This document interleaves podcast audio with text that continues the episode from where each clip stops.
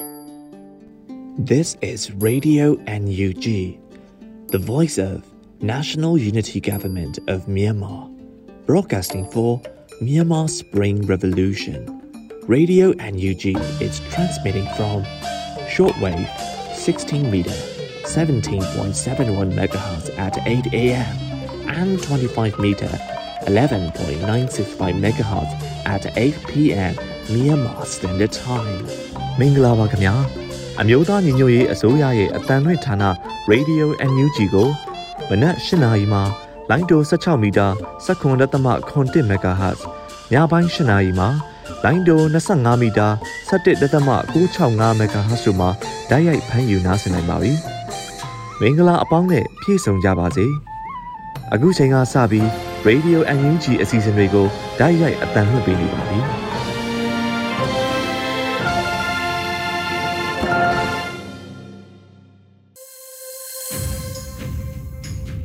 Radio NUG ကိုနာတော်တာဆင်နေတဲ့ပရိသတ်များမင်္ဂလာနေ့လည်ခင်းပါရှင်။ကျမတို့ရဲ့တွက်ချက်ထုတ်လွှင့်မှုစီစဉ်ဖြစ်တဲ့နေ့လည်ခင်းစီစဉ်လေးကိုစတင်ထုတ်လွှင့်ပြီးတော့မှာဖြစ်ပါတယ်။ဒီနေ့နေ့လည်ခင်းမှာတင်ဆက်ပေးဖို့ရှိနေတဲ့အစီအစဉ်လေးကတော့နောက်ဆုံးရပြည်တွင်းသတင်းတွေဖက်ဒရယ်ပြည်ထောင်စုရေးရာဝန်ကြီးဌာနရဲ့6လတာကာလအတွင်းပြည်သူတို့အစီအခံတင်ပြချက်နဲ့တော်လှန်ရေးဆောင်မနဲ့တော်လှန်ရေးတိဂီတာအစီအစဉ်လေးကိုနားဆင်ကြရတော့မှာဖြစ်ပါတယ်။ ကျမကတော့နှူးရှူပါပါဒီနေ့နေ့လည်ခင်းရဲ့ပထမဆုံးစီစဉ်ကိုတော့နောက်ဆုံးရသတင်းချင်းတွေနဲ့တင်ဆက်ပေးသွားမှာပါနူးမောင်မှတင်ဆက်ပေးထားပါတယ်ရှင်ယခုတင်ဆက်ပေးမှာကတော့နိုဝင်ဘာ26ရက်နေ့ရပြည်တွင်းသတင်းများပဲဖြစ်ပါတယ်ခင်ဗျာကျွန်တော်ကတော့ຫນွေဦးမောင်ပါအမျိုးသားညီညွတ်ရေးအစိုးရအလုသမားဝန်ကြီးဌာနမှနိုဝင်ဘာလ26ရက်နေ့ရက်စွဲဖြင့်ကြေညာချက်တရက်ကိုထုတ်ပြန်ခဲ့သည်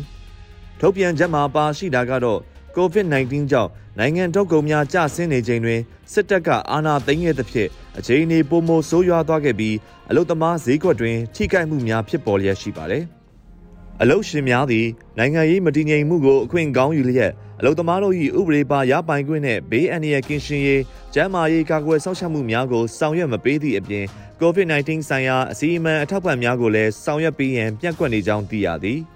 ထို့သော COVID-19 အစည်းအဝေးနှင့်ကာကွယ်ရေးဆိုင်ရာအထောက်ပံ့များကိုမရသဖြင့်အလုသမားများသည်သရုပ်ထာလိုင်းကြာရောက်မဲ့ဘေးကိုရင်ဆိုင်နေရပြီးအလုသမားဝန်ကြီးဌာနသည် NUG အစိုးရဦးဆောင်မှုအောက်တွင်တပ်ဆိုင်ရာဝန်ကြီးအခြားမိဖက်အဖွဲ့များနှင့်ပူးပေါင်း၍ဖြည့်ရှင်းနိုင်ရန်စ조사လျက်ရှိသည်အလုသမားများသည်နိုင်ငံတော်ဖွံ့ဖြိုးတိုးတက်ရေးအတွက်အရေးပါသောရင်းမြစ်ဖြစ်သည့်အပြင်အလုရှင်များအတွက်လည်းအလေးထားရမည့်မိဖက်များဖြစ်သည်။တို့ဖြစ်ပါ၍ အလုရှင်ကိုစားစီမံခန့်ခွဲနေသူများအနေဖြင့်အလုသမားတို့၏ဥပဒေပါရပိုင်ခွင့်များဘေးအန္တရာယ်ကင်းရှင်းရေးနှင့်ကျန်းမာရေးဆိုင်ရာစောင့်ရှောက်မှုများကိုအလုသမားများအတွက်အပြည့်အဝစီစဉ်ပေးရန်နှင့်လိုက်နာမှုမရှိသည့်အလုရှင်များအပြင်စီမံခန့်ခွဲသူများကိုမှတ်တမ်းထားရှိကာဥပဒေနှင့်အညီအရေးယူမိဖြစ်ကြောင်းနိုဝင်ဘာလ26ရက်နေ့တွင်ကြေညာထုတ်ပြန်ခဲ့ပါသည်ဇလဘီ နိုင်ငံတကာအတိုင်းအဝိုင်းအနေဖြင့်အမျိုးသားညီညွတ်ရေးအစိုးရနဲ့ပူးပေါင်းချိတ်ဆက်ပြီးမြန်မာပြည်သူများအတွက်အရေးပေါ်ကူညီမှုများပေးဖို့လိုအပ်နေပြီဖြစ်ကြောင်းမြန်မာနိုင်ငံဆိုင်ရာအထူးအကြံပေးကောင်စီ Special Advisory Council for Myanmar ကတိုက်တွန်းလိုက်ပါတယ်။နိုင်ငံတကာကျွမ်းကျင်ပညာရှင်များဖြင့်ဖွဲ့စည်းထားသည့်လွတ်လပ်သောအဖွဲ့တစ်ခုဖြစ်တဲ့ SACM ထုတ်ပြန်ကြေညာချက်ကို People in Myanmar on the Brink of Starvation လို့ခေါင်းစဉ်တက်ဖော်ပြခဲ့ပါတယ်။ မြန်မာနိုင်ငံ၏စစ်မှန်သောတရားဝင်ကိုယ်စားလှယ်များနဲ့ချိတ်ဆက်လှုပ်ဆောင်မှုမရှိခြင်းဟာမြန်မာပြည်သူများအတွက်အရေးတကြီးလိုအပ်သည့်တုံ့ပြန်မှုများပြုနိုင်ရန်နှောင့်နှေးစေသည်ဟုပါရှိပါသည်။နိုင်ငံတကာအတိုင်းအဝိုင်းအနေနဲ့ NUG ကိုတရားဝင်အတိအမှတ်ပြုရပါလိမ့်မည်။ဒီပြိုင်တည်းမှာပဲဘေးကင်းလုံခြုံရေးလူသားချင်းစာနာမှု လူအခွင့်အရေးနဲ့စီးပွားရေးအကြက်အတဲတွေအပေါ်ရှေ့နောက်ညီညွတ်တဲ့နိုင်ငံတကာတုံ့ပြန်မှုတစ်ခုကိုထိထိရောက်ရောက်ဆောင်ရွက်နိုင်စေဖို့ NUG နဲ့လက်တွဲချိတ်ဆက်လှုပ်ဆောင်ရမည်ဖြစ်ကြောင်းနိုင်ငံတကာအတိုင်းအဝိုင်းအနေဖြင့်မြန်မာပြည်သူများအပေါ်ကူညီနိုင်ရန် NUG နဲ့ဓာတ်ရိုက်ချိတ်ဆက်ဆောင်ရွက်နိုင်သလိုနေဆက်များမှတဆင့်နိုင်ငံနဲ့အကူအညီများရောက်ရှိစေပြီးလိုအပ်နေသူများထံပေးပို့နိုင်မှာဖြစ်တယ်လို့ SACM ရဲ့အဖွဲ့ဝင်တဦးဖြစ်သည့် Chris Sidodi ကပြောပါတယ်။ နိုဝင်ဘာ26ရက်နေ့ထုတ် People in Myanmar on the brink of starvation လို့ခေါင်းစည်းဖော်ပြထားတဲ့အဆိုပါထုတ်ပြန်ကြေညာချက်မှာအာဏာသိမ်းစစ်တပ်၏ထိုးစစ်ဆင်မှုများကြောင့်မြန်မာနိုင်ငံအနောက်မြောက်ပိုင်းနဲ့အရှေ့ပိုင်းရှိတောင်သူများသည်စံစဘာသီးနှံများနှစ်စဉ်စိုက်ပျိုးရိတ်သိမ်းမှုအပေါ်အဟန့်အတားဖြစ်စေရလို့ပါရှိပါတယ်။ထိုများမကစစ်တပ်ဟာလမ်းများကိုပိတ်ဆို့ရိတ်ခါဖျက်တောက်ခြင်းအစားအသောက်နဲ့ဆေးဘက်ပစ္စည်းများကိုဖျက်တောက်ခြင်းအစားအစာတိုလာမှုများကိုမီးရှို့ခြင်းနဲ့ ကျွဲနွားတရိတ်ဆန်များကိုတပ်ဖြတ်ခြင်းတို့လှုပ်ဆောင်ခဲ့ကြောင်းကြေညာချက်မှာပါရှိကြောင်းသိရပါတယ်ခင်ဗျာ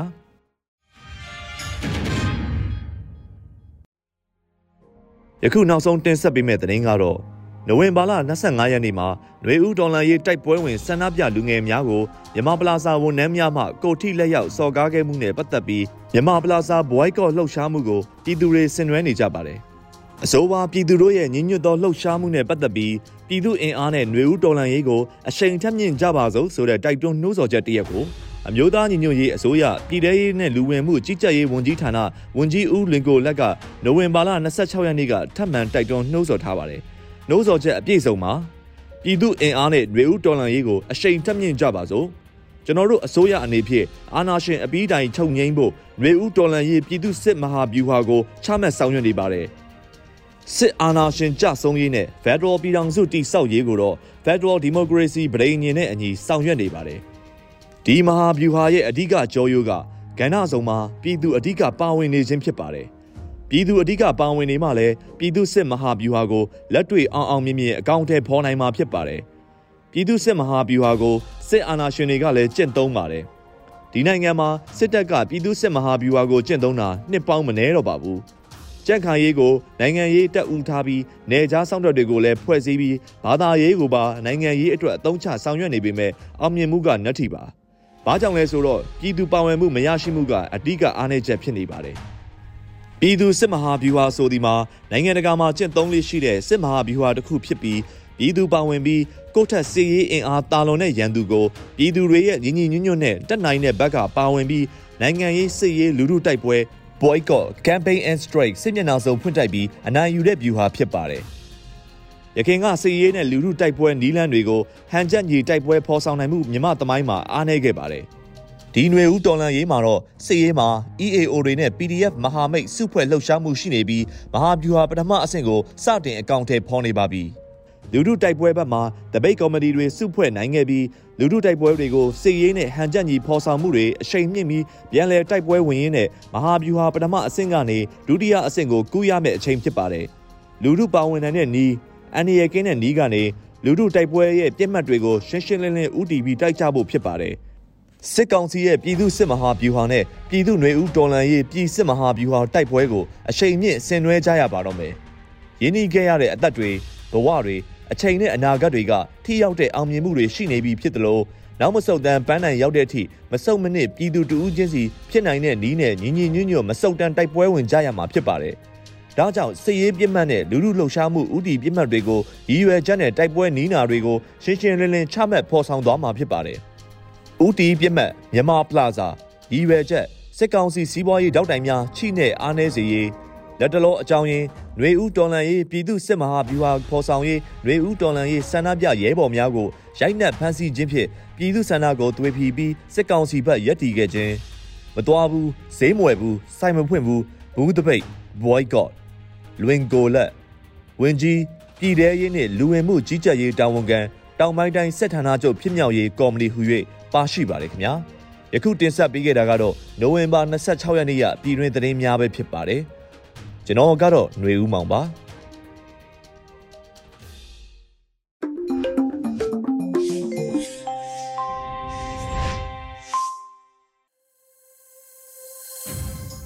ဗီဒီယိုအန်ယူတီရဲ့နေ့လည်ခင်းစီစဉ်တွေကိုဆက်လက်တင်ပြနေပါတယ်။အခုခါမှာတော့ Federal ပြည်ထောင်စုရေးရာဝန်ကြီးဌာနမှပြည်သူ့တို့စီရင်တင်ပြချက်နဲ့ပတ်သက်ပြီးတော့6လတာကာလအတွင်းမှာ လှုပ်ဆောင်ခဲ့တဲ့လှုပ်ဆောင်ချက်တွေနဲ့ပတ်သက်ပြီးတော့ဒုတိယဝန်ကြီးမိုင်းဝင်းထုရဲ့စကားသံကိုနားဆင်ကြရမှာဖြစ်ပါတယ်ရှင်။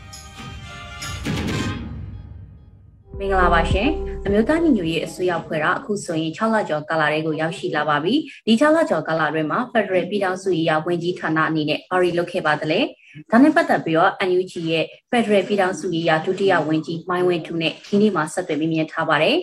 ဆရာမင်္ဂလာပါရှင်ဟုတ်ကဲ့မင်္ဂလာပါဗျဟုတ်ကဲ့ဟိုအခုပထမအဆုံးအနေနဲ့ဒီ NUG အစိုးရဖွဲ့တာလဲ6လကျော်ကာလတွေကိုရောက်လာပြီဆိုတော့ဒီ6လကျော်ကာလအတွင်းမှာဆရာတို့ဝန်ကြီးဌာနအနေနဲ့လုပ်ခဲ့တာတွေတွေကမှပြည်သူလူထုကိုအတိပေးချင်တာပြောပြပေးချင်တာရှိလို့ရှိရင်ပြောပြပေးပါအောင်ရှင်ဟုတ်ကျွန်တော်ကတော့ဖက်ဒရယ်ပြည်ထောင်စုရေးဝန်ကြီးဌာနကဒုတိယဝန်ကြီးဦးမိုင်းဝင်းထူးဖြစ်ပါတယ်အခုကျွန်တော်တို့ဒီ6လသာပြီးသွားတဲ့ကိစ္စထဲမှာတော့ကျွန်တော်တို့ဝန်ကြီးဌာနဖက်ဒရယ်ပြည်ထောင်စုရေးဝန်ကြီးဌာနဖြစ်တဲ့ကြောင့်လို့ဒီဖက်ဒရယ်ဖွဲ့စည်းပုံခြေဥပဒေ ပြင်ဆင်ရေးနဲ့ပတ်သက်တဲ့အဓိကလုပ်ငန်းတွေကျွန်တော်လုပ်တာဆိုတော့အဲ့ဒီခန်းကဏ္ဍမှာကျွန်တော်တို့ဘာလုပ်တယ်လဲလို့ကျွန်တော်တို့ပြောတဲ့ခါမှာကျွန်တော်တို့ကနံပါတ်1ကဟိုဒီကျွန်တော်တို့ဒီ Federal ပညာပေးပေါ့ educate ပေါ့နော်အဲ့ဒါလေးတွေကျွန်တော်လုပ်ဖြစ်ပါတယ်ပြီးတော့ကျွန်တော် Federal စာဆောင်တွေကျွန်တော်ထုတ်ဖြစ်ပါတယ်ပြီးတော့မှ Federal နဲ့ပတ်သက်တဲ့အဲပညာရှင်တွေကိုဖိတ်ပြီးတော့မှကျွန်တော်ဒီ dialogue တွေလုပ်တာရှိတာဆိုတော့ကျွန်တော်တို့ရဲ့ဆွေးနွေးပွဲကိုတက်ရောက်တာကတော့ဒီလွတ်တော်ကိုယ်စားလှယ်များအော်ကျွန်တော်ဒီ NUG မှာရှိနေတဲ့အဆိုရအဖွဲ့ဝင်တွေရော site အဲ့လိုတက်ရောက်တာမျိုးကျွန်တော်တို့ရှိပါတယ်ပေါ့နော်အာဒါကတော့ကျွန်တော်တို့ပုံမှန်အဲလုပ်ဖြစ်နေတဲ့လုပ်ငန်းစဉ်တွေမှာဖြစ်ပါတယ်နောက်တစ်ခုကကျွန်တော်တို့က Federal ဖွဲ့စည်းပုံအခြေခံဥပဒေရေးဆွဲဖို့အတွက်ဆိုပြီးတော့မှကျွန်တော်တို့လွန်ခဲ့တဲ့ဟိုဒီဒီအစိုးရကျွန်တော်တို့ NUG စဖက်ကလေးကကျွန်တော်တို့ဒီဒီ commission တရက်ဖွဲ့ပြီးတော့မှကျွန်တော်တို့လှုပ်ဆောင်မှုကြိုးစားပြီးမဲ့လေအဲ့ဒီချိန်တုန်းက NUCC ကအဲကျွန်တော်တို့ဒီဘယ်လိုပြောမလဲဒီဒီရဲ့ အဲစုဖွဲ့မှုတွေကဆွေးနွေးမှုတွေကစနစ်ကျဆွေးနွေးစုဖွဲ့မှုမပြီးသေးတဲ့အတွက်ကြောင့်ကျွန်တော်တို့ကအဲ့တုန်းကကျွန်တော်တို့ဒီအဲ Federal ဖွဲ့စည်းပုံအခြေခံဥပဒေရေးဆွဲရေးကော်မရှင်ဆိုတဲ့ဟာကိုကျွန်တော်တို့ကြိုးစားအာပြီးတော့မှအစိုးရဘက်ကလည်း NUG ကလည်းကြေညာခဲ့ပြီလေကျွန်တော်တို့အာအကောင့်တွေမပေါ်နိုင်ခဲ့သေးပဲနဲ့ NUCC ကိုကျွန်တော်တို့စောင့်ဆိုင်ခဲ့ရတဲ့အခြေအနေလေးတွေရှိခဲ့တယ်ပေါ့အဲအဲ့ဒါကြောင့်မလို့အဲ့ဒီမှာပဲကျွန်တော်တို့ရဲ့ဝင်ကြီးဖြစ်တဲ့ကျွန်တော်ဒေါက်တာလျံမုံစခေါင်ကအဲ့ဒီရဲ့ NUCC ဖြစ်မြောက်ရေးထဲမှာအာဒီအောင်မြေခုလက်ရှိဟိုတမန်မလေး16ရက်နေ့က သတင်းစာရှင်းလင်းပွဲပြီးတဲ့အထိဟိုပဲအဲကျွန်တော်တို့ဝင်ကြီးဌာနအကဝင်ကြီးဒေါက်တာလျံမုံစခေါင်ကလည်းဒီထဲမှာထဲထဲဝင်ဝင်ပါဝင်ပြီးတော့မှအာ NUG ကိုစားပြုနေလဲလှုပ်ဆောင်ခဲ့တာတွေအများကြီးရှိပါတယ်ဒါကအင်မတန်ကောင်းတဲ့ရွှေတစ်ခုဖြစ်တယ်လို့လည်းကျွန်တော်မြင်ပါတယ်အထူးသဖြင့်ကျွန်တော်ပြောချင်တာကတော့နံပါတ်1ကျွန်တော်တို့က Federal ဖွဲ့စည်းပုံအခြေခံဥပဒေရေးဆွဲရေးကော်မရှင်ဆိုပြီးတော့ NUG ကဖွဲ့စည်းထားတယ် NUCC မပြီးသေးတဲ့ကြောင့်အဲ့ဒါခဏလေးဆိုင်းငံ့ပြီးတော့မှကျွန်တော်ရဲ့ဝင်ကြီးကအဲ့ဒီမှာသွားပြီးတော့မှ NUC ပြမြောက်အောင်မြင်ရေးကိစ္စတွေပူးပေါင်းပေါင်းခဲ့တယ်နံပါတ်2က ကျွန်တော် Federal စာဆောင်တွေထုတ်ဝေနိုင်ခဲ့တယ်လူလူကြားတွေကိုကျွန်တော်တို့ထုတ်ပေးနိုင်တယ်ကျွန်တော် website တွေမှာစနစ်ကြတင်ပြတာရှိတယ်ကျွန်တော်တို့ရဲ့ social media page တွေမှာ Twitter တို့ဘာတို့မှာစနစ်ကြတင်ပြတာမျိုးတွေရှိတယ် ပြီးတော့မှကျွန်တော်တို့ဒီ dialogue လေးတွေလုပ်တာမျိုးရှိပါတယ်ပေါ့ဒါဒီ6လအတွင်းမှာကျွန်တော်လုပ်ခဲ့တဲ့လုပ်ငန်းစဉ်တွေအချင်းချုပ်ပြောမယ်ဆိုလို့ကျွန်တော်ပြောလို့ရပါတယ်ဟုတ်ကဲ့ပါရှင်အခုဆိုလို့ရှိရင်ဒီ NUG အနေနဲ့လည်းနောက်ထပ်6လစီမံကိန်းတွေဆွဲပြီးတော့ဒီတော်လှန်ရေးကိုမြင်မြန်အဆုံးသတ်ဖို့ဆိုပြီးတော့ဆောင်ရွက်နေတာရှိရလို့သိရပါတယ်ပြီးတော့နောက်6လတာကာလမှာဆရာတို့ဝန်ကြီးဌာနအနေနဲ့ဟိုအဓိကဦးစားပေးပြီးတော့လုပ်သွားမှာဘာတွေဖြစ်မလဲရှင်အာအခုကအစောတော့ပြောတဲ့အဆက်ပဲကျွန်တော်ပြန်ပြောရမှာပဲဒီ6လတာကာလဆိုရင်ကျွန်တော်ဒါနဲ့ပြန်ဆက်အထူးသဖြင့် NUCC ရဲ့ လုပ်ငန်းစဉ်တွေကပြီးလောက်အောင်မြင်သွားပြီဖြစ်တဲ့အတွက်ကြောင့်မို့လို့ NUCC နဲ့ဆက်ဆက်ပြီးတော့မှကျွန်တော်ဒီ Federal President ချီကောင်ဒီရေးဆွဲလုပ်ငန်းကိစ္စတွေပါအာကျွန်တော်တို့ကဒီပို့ပြီးတော့မှအကောင့်တွေခေါ်ပြီးလှုပ်ဆောင်ရမယ့်အနေအထားတွေရှိလာတယ်။အဲ့ဒီမှာကျွန်တော်တို့6လစာဖန်ကိုကျွန်တော်တို့ရေးဆွဲတဲ့ခါမှာကျွန်တော်တို့ဗာတွေရေးထားကြတယ်ဆိုနံပါတ်1က Federal President တိစောက်ရေးပြင်ဆင်ခြင်းလုပ်ငန်းကျွန်တော်အဲ့ဒါမျိုးတွေပါမယ်။အဲ Federal Democracy President ချေအောက်ပြင်ဆင်လုပ်ငန်းစဉ်တွေပါမယ်။အဲ့ဒါအဆုံးတော့ကျွန်တော်ပြောတဲ့လုပ်ငန်းစဉ်တွေလည်းကျွန်တော်တို့6လအတွင်းမှာလုပ်ခဲ့တဲ့လုပ်ငန်းတွေလည်းပါမယ်။အဲ့ကောင်တွေထပ်ပြီးတော့မှ ဟိုကျွန်တော်တို့ဟိုထပ်ပြီးတော့မှမောမှန်တာမျိုးတွေထပ်ပြီးတော့မှဟိုတွေ့တင်တွေ့ထားတဲ့အစုပွဲတွေနဲ့ထပ်ပြီးတော့မှတွေ့ဆုံတာမျိုးတွေကျွန်တော်ပို့လုပ်လာမယ်အဲနံပါတ်3ဖြစ်တဲ့အသွင်ကူးပြောင်းရေးကာလ press position ဥပဒေရေးဆွဲလုပ်ငန်းစဉ်ပေါ့အဲ့ဒါကတော့ NUCC တို့နဲ့တခြား CRP ဆိုတဲ့စနစ်ကြပူးပေါင်းပြီးလှုပ်ဆောင်ရမယ့်အစီအစဉ်ဖြစ်တယ်ကျွန်တော်တို့ဟိုဟို NUG ရဲ့ကျွန်တော်ဒီဒီဒီ charter NUCC ရဲ့ charter 1 2မှာပြဋ္ဌာန်းထားတဲ့အတိုင်းပဲပေါ့သူရဲ့ roadmap ထဲမှာကကျွန်တော်တို့လက်ရှိကတော့ဂျာကာလာဖြစ်တယ်ဂျာကာလာအတိုက်ပွဲအောင်မြင်ပြီးသွားပြီဆိုတာကျွန်တော်အတူပြောရင်ကာလာရပါမှာဖြစ်တယ် ဆိုတော့အသွင်ကူးပြောင်းရေးကာလမှာကျွန်တော်တို့ဒီဒီအသွင်ကူးပြောင်းရေးကာလအစိုးရအနေနဲ့လက်ရှိကတော့ကြားကာလမျိုးသားညီညွတ်ရေးအစိုးရပါ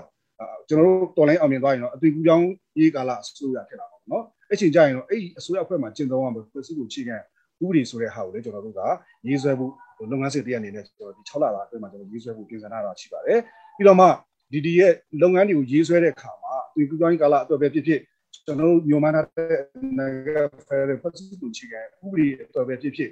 ဒီလုပ်ငန်းတွေဆောင်ရွက်တဲ့အခါမှာတက်ဆိုင်ရာဝန်ကြီးဌာနဝန်ကြီးဌာနလိုက်တဲ့ပူးပေါင်းပြီးလှုပ်ဆောင်ရမယ်လုပ်ငန်းဆိုပြီးတော့မှလုပ်ငန်းစဉ်၄ရက်ကျွန်တော်6လလာမယ့်6လစာအတွက်ကိုကျွန်တော်တို့ပြင်ဆင်ထားတာရှိပါတယ်ဟုတ်ကဲ့ပါရှင်ဒီတော့ဒီဆရာနာရှင်ကိုအမြင့်ဖြတ်တော်လှန်နေတဲ့လက်ရှိမျိုးဥတော်လှန်ရဲ့အလားအလာကိုရောမကြီးအနေနဲ့ဘယ်လိုမျိုးသုံးသပ်ချင်လဲရှင်အာကျွန်တော်တို့လက်ရှိကျွန်တော်တို့မျိုးဥတော်လှန်ရေးကအင်မတန်မှအလားအလာကောင်းတယ်လို့ကျွန်တော်အနေနဲ့သုံးသပ်ပါ တယ်အဲအလားအလာကောင်းတယ်ဆိုတာဘာကြောင့်ကျွန်တော်အဲ့လိုပြောတယ်လဲဆိုတော့ကျွန်တော်တို့အာ NUG မြို့သားညီအစိုးရအဖွဲ့ဆိုတာကရခင်ကဟို90ခုနှစ်ကလူ NCGU လို့ပုံစံမျိုးမဟုတ်ပါအာအခုနံပါတ်1ပြည်သူတွေဆန္ဒပြန်ပြကျွန်တော်အားကောင်းတယ်ကျွန်တော်ပြည်တွင်းဒီပကျွန်တော်လက်ချင်းပြီးတော့မှစင်ကြလှုပ်ဆောင်တဲ့အပိုင်းတွေရှိတဲ့အတွက်ကြောင့်မလို့ကျွန်တော်တို့ဒီလက်ရှိဂျာကာလာမြို့သားညွေအစိုးရအဖွဲ့ရဲ့အလားလာအင်တာမှာကောင်းတယ်လို့ကျွန်တော်မြင်ပါတယ်ယုံနေယုံကြည်ပါတယ်မြေပြင်မှာဆိုရင်လည်းနေ့စဉ်နဲ့အမျှ ဟိုဟိုကျွန်တော်တို့ဟို PDF တွေရဲ့ local PDF ပဲပြောပြောကျွန်တော်တို့ဒီတိုင်းသားလက်နက်ကိုင် EU တွေပဲပြောပြောကျွန်တော်ဟို NUG ကဖွဲ့ထားတဲ့ PDF တွေပဲပြောပြောသူတို့တွေကဒီနေ့စဉ်နဲ့မျှမြေပြင်မှာချမ်းဖက်စစ်ကောင်စီနဲ့ထိတွေ့မှုတွေရှိနေတယ်အဲကျွန်တော်တို့ဟိုဟိုထိတွေ့မှုဆိုတဲ့သဘောတရားကတော့နှစ်ဖက်နှစ်ဦးနှစ်ဖက်ထိခိုက်နေတာမျိုးတော့ရှိမယ်သို့တော့အထူးသဖြင့်ကျွန်တော်တို့ဒီပြည်သူတွေရဲ့အဲဟို ပူပေါင်းပါဝင်ပေးမှုကြောင့်ပြည်သူတွေရဲ့လိုလိုလားလားလက်ခံပေးမှုကြောင့်ကျွန်တော်တို့ PDF တွေကျွန်တော်တို့ရဲ့မိဘပြည်သူတွေကျွန်တော်တို့ရဲ့ပြည်သူဘက်တော်သားတွေအထိခိုက်နေတာမျိုးနေတယ်။တမ်ပဲစစ်ကောင်စီဘက်ဆိုရင်ကျွန်တော်တို့သတင်းတွေနေ့စဉ်နဲ့ကြည့်လိုက်အနည်းဆုံး90 60လောက်တော့တို့ပြသိနေတာပဲဆိုတဲ့ဟာမျိုးတွေကဟိုဒါပေမဲ့ဒါဝမ်းသာစရာပြောတာတော့မဟုတ်ပါဘူးဆိုလိုချင်တဲ့အတိတ်ပဲကတော့ NUG ကျွန်တော်တို့ဒီလက်ရှိအမျိုးသားညီညွတ်ရေးအစိုးရပဲပြီးတော့ကျွန်တော်မျိုးဦးတော်လိုင်းကြီးရဲ့အခြေအနေပဲပြီးတော့ဒါအာ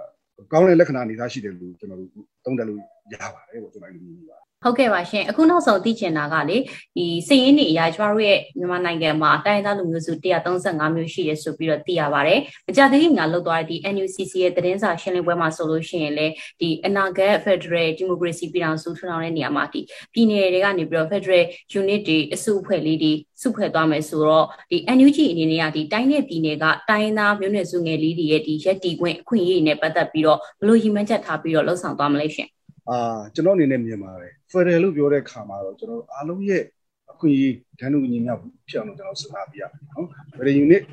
ပြည်နယ်ပြည်နယ်အသစ်ဆိုတဲ့ပုံစံမျိုးပဲအဲ့ဒါတွေတော့ထားရှိဖို့လိုပါတယ်ဆိုတဲ့အခါမှာကျွန်တော်နိုင်ငံတိုင်းသားလူမျိုးပေါင်းဟိုပြောမယ်ဆိုတော့မဆာလာခိခိပြတ်ခဲ့တဲ့35မျိုးအဲ့လောက်လက်ရှိကြီးမှရှိတယ်ပူရှင်လဲပူမယ်ဒါကထားလိုက်ပါတော့ဟိုမှာထားတော့ဆိုလို့ရှိရင်ကတော့လူမျိုးစုတိုင်းကိုတော့ Federal Unit ပြည်နယ်တစ်ခုအနေနဲ့ပေးရမယ်လို့ပြောတာမဟုတ်ဘူး သူ့မှာတတ်မှတ်ထားတဲ့ဥပမာထားပါတော့ Federal ဖွဲ့စည်းပုံချင်းကဥပဒေကျွန်တော်တို့ရေးဆွဲလိုက်ပြီဆိုရင်နံပါတ်1ပြည်နယ်တစ်ဖွဲ့စည်းခွင့်ရှိရမယ်ဆိုတဲ့မူရှိတာအဲ့မူပေါ်မှာအခြေခံပြီးတော့မှပြည်နယ်တစ်တစ်ခုဖွဲ့မယ်ပြည်နယ်တစ်ခုထပ်ပြီးတော့တိုးလာမယ်ဆိုရင်ဘလို့ norm တွေနဲ့ဘလို့စံသတ်မှတ်ချက်တွေနဲ့ပြည့်စုံရမယ်ဆိုတဲ့ဟာမျိုးတွေပေါ့နော်ကျွန်တော်အဲ့လိုမျိုးတွေသတ်မှတ်ပြီးလို့ပါမယ်ဘလို့အချက်လက်ဘလို့အချက်လက်မျိုးတွေနဲ့တတ်ပြည့်စုံတယ်ဆိုတော့ပြည်နယ်အဲတစ်သတ်မှတ်ပေးတင်ပါတယ်ဘလို့အချက်လက်မျိုးတွေနဲ့အဲရှိမယ်ဆိုရင်တော့ကျွန်တော်တို့မှာကိုယ်ပိုင်အချုပ်ရတိုင်းကိုယ်ပိုင်အချုပ်ရ data တွေသတ်မှတ်တင်ပါတယ်အဲအနည်းဆုံးတော့ လူမျိုးစုတစ်ခုတော့ကျွန်တော်ထင်ပါတယ်ဟိုဟိုတိုင်းသားလူမျိုးစုနယ်ညီ area လေးပုံစံလေးပေါ့နော်ဟိုတတ်မှတ်ပေးတင်တယ်လို့ကျွန်တော်တို့အဲ့လိုတော့မြင်ပါတယ်အဲ့ဒါမှလည်းလူမျိုးစုငယ်လေးတွေရဲ့အဲသူတို့ရဲ့အခွင့်အရေးတွေသူတို့သူတို့ရဲ့အဲမျိုးနွယ်စုလေးတွေရေရှည်တည်တံ့ခိုင်မြဲနေနိုင်အောင်ဆိုရဲအဲသူတို့ရဲ့အခွင့်အရေးတွေကိုစနစ်ကျလုပ်နိုင်အောင်ဆိုတဲ့အဲ Federal ရဲ့စံတန်ဖိုးနဲ့ကန့်ညီလာမယ်လို့ကျွန်တော်မြင်ပါတယ်အဲဒါကြောင့်မလို့ဟိုကျွန်တော်တို့များလေးဆွေးနွေးကြတာကဟို Federal ဖွဲ့စည်းပုံအခြေခံဥပဒေ တခုရေးဆွဲပြီးပြည်နယ်တစ်ပေးလိုက်တာနဲ့ဒီတိုင်းသားအားလုံးကိုပေးရမလားဆိုတာမဟုတ်ပါဘူးဒါပေမဲ့သတ်မှတ်ထားတဲ့စံတွေသူ့ရဲ့ norm တွေနဲ့ကန့်ညီတဲ့လူမျိုးကိုမှဒါလည်းပြည်နယ်ပေးတင်တယ်တိုင်းဒေသကြီးပေးတင်တယ်သူကိုယ်ပိုင်အချုပ်ရဒေတာပေးတင်တယ်ကိုယ်ပိုင်အချုပ်ရတိုင်းပေးတင်တယ်လူမျိုးစု area ပေးတင်တယ်ဆိုတဲ့ဟာတွေကိုစနစ်ကျသတ်မှတ်ပြီးလို့ပါမယ်အခုကျွန်တော်တို့ Federal ဖွဲ့စည်းပုံကျွန်တော်တို့ဒီ NUG ကလည်းဒီ Federal ဖွဲ့စည်းပုံအခြေခံဥပဒေကိုရေးဆွဲမယ်ဆိုတဲ့အခါမှာလည်းကျွန်တော်တို့အရင်ကဆွဲထားပြီးသားဖြစ်တဲ့ FCDCC ပေါ်မှာပဲအများဆုံးချိန်ခံတယ်လို့ကျွန်တော်တို့ကြားထားတယ်ပေါ့ဒါပေမဲ့ဒါတွေကတော့အတီးတော့မဟုတ်သေးပါဘူးဒါကြောယူလောက်ပဲဖြစ်မှာပေါ့လေဖွဲ့စည်းပုံချိန်ခံဥပဒေတစ်ခုဆိုတော့ဟိုကျွန်တော်တို့ဂျာကာလာအာအောင်မြင်သွားပြီးအသွင်ကူးပြောင်းကာလရောက်တဲ့ခါမှာမှတနိုင်ငံလုံးတိုင်းတာနေပုံသွင်းလင်းလင်းဆွေးနွေးညီနိုင်တိုင်မြင်ပြီးတော့မှကျွန်တော်တို့နိုင်ငံအတွက်အကောင်းဆုံးဖယ်တဲ့ဖွဲ့စည်းပုံချိန်ခံဥပဒေတစ်ခုရေးဆွဲရမှာဖြစ်ပါတယ်အစောတော့ကျွန်တော်ဆွေးနွေးသွားတာကတော့ဖယ်တဲ့နိုင်ငံလို့ပြောတဲ့ခါမှာဒါပြစ်ပြစ်ပြစ်ထိုက်တဲ့အချက်လက်လေးတွေဆိုတဲ့ဟာမျိုးကိုကျွန်တော်ချိန်ခံဆွေးနွေးသွားတာဖြစ်ပါတယ်ဟုတ်ကဲ့ပါ ဟုတ်ကဲ့ပါရှင်အခုလိုမျိုးချိန်ပေးပြီးတော့ဖြေချပေးတဲ့အတွက်ဝန်ကြီးကိုကျေးဇူးအများကြီးတင်ပါတယ်ရှင်ဟုတ်ကဲ့ကျေးဇူးပါ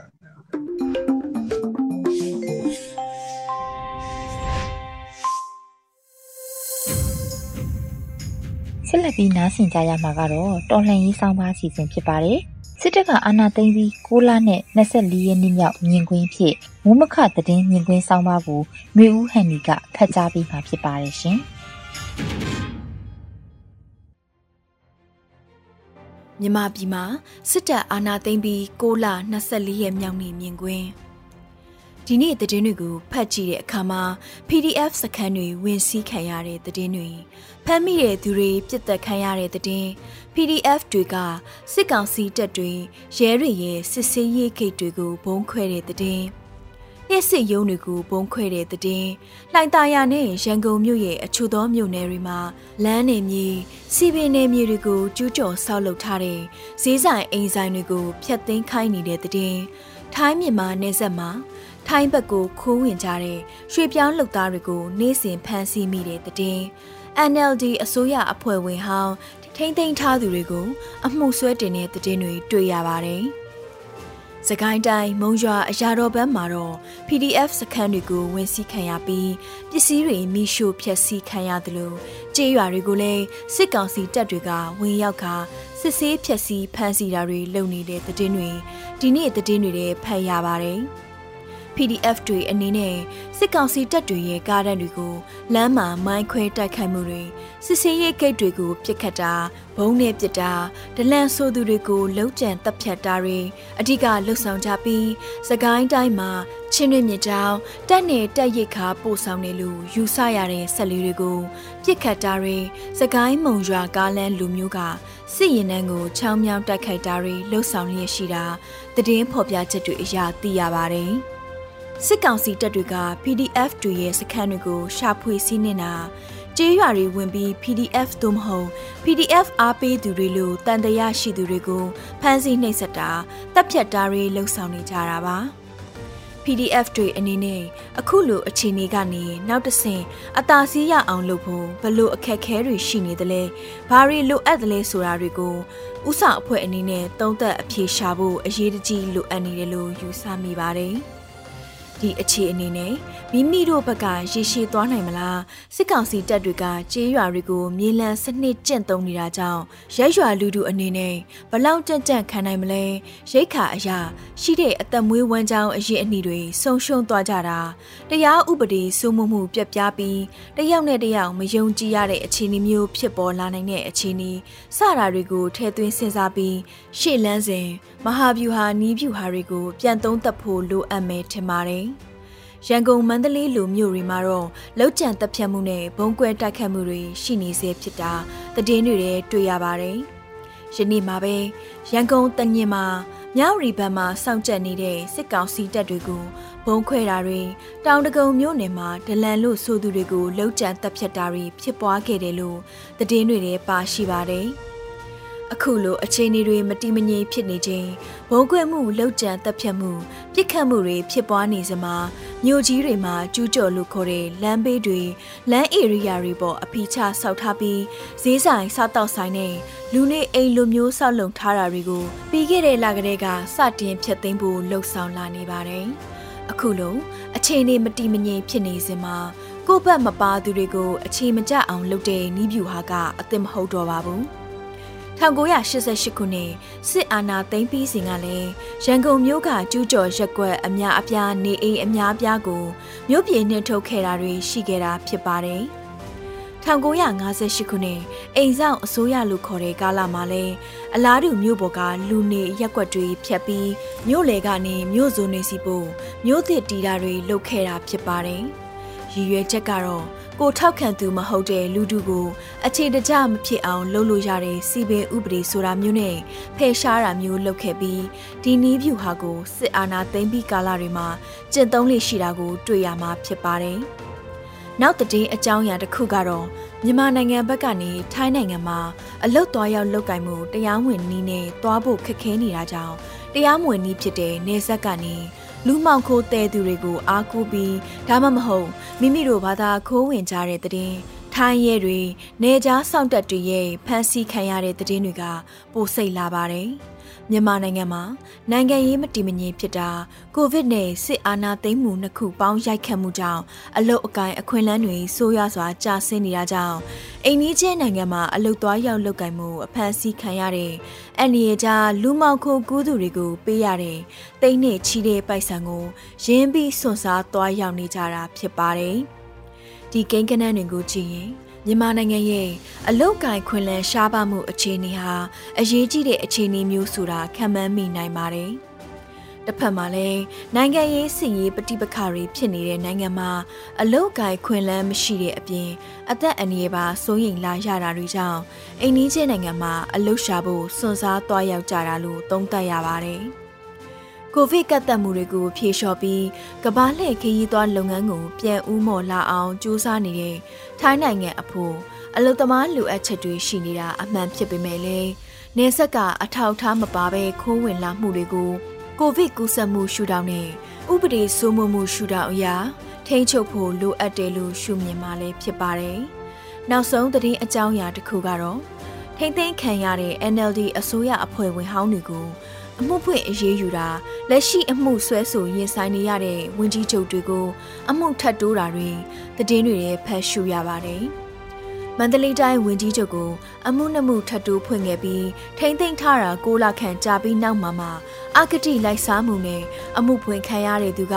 ရင်းနှီးမြုပ်နှံမှုနဲ့နိုင်ငံခြားစီးပွားဆက်သွယ်ရေးဝန်ကြီးဦးတောင်းထွန်းကိုအကတိလိုက်စားမှုနဲ့အမှုဖွင့်ခဲ့တာဖြစ်ပါတယ်။ အခုလိုအာနာသိန်းလူထိမ့်သိမ့်ထားသူတွေကိုအမှုဖွင့်တာတွေဟာအာနာသိန်းနာကိုစင်ကြေပေးဖို့အကြောင်းပြချက်ရှာဖွေတာတွေဆိုတာအများကနားလည်ထားပြီးဖြစ်ပြီးအခုလိုအမှုဖွင့်တာတွေကအချိန်မရွေးရုပ်သိမ်းလျှော်ပြစ်လို့ရတဲ့သဘောလေးဖြစ်တယ်ဆိုတာနားလည်ထားကြပြီးဖြစ်ပါတယ်ဆိုတဲ့အကြောင်းတင်ဆက်ပေးလိုက်ရပါတယ်ရှင်။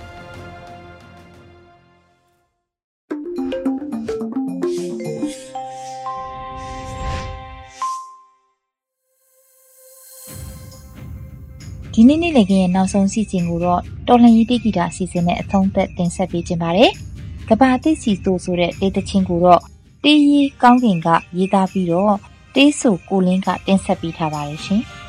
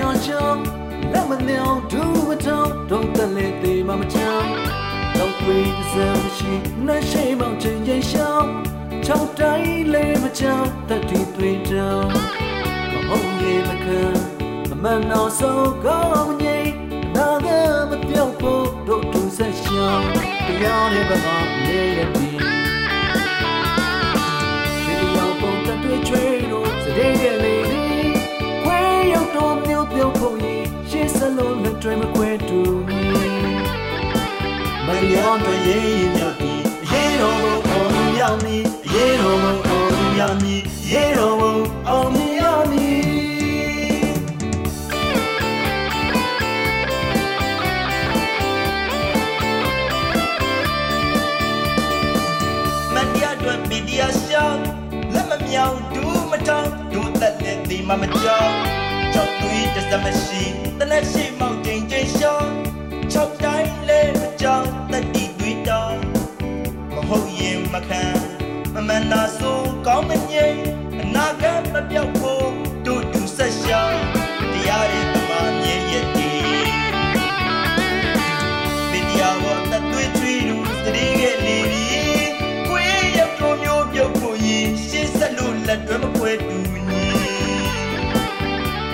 တရားတွေရေးရကြမည်ရေးတော်ဘုံအောင်ရမည်ရေးတော်ဘုံအောင်ရမည်ရေးတော်ဘုံအောင်ရမည်မကိုမန်မန်ကိုမလုံးမဟုတ်မမှန်လို့ကြံစတဲ့အာနာယူတို့ရဲ့စံချာနေ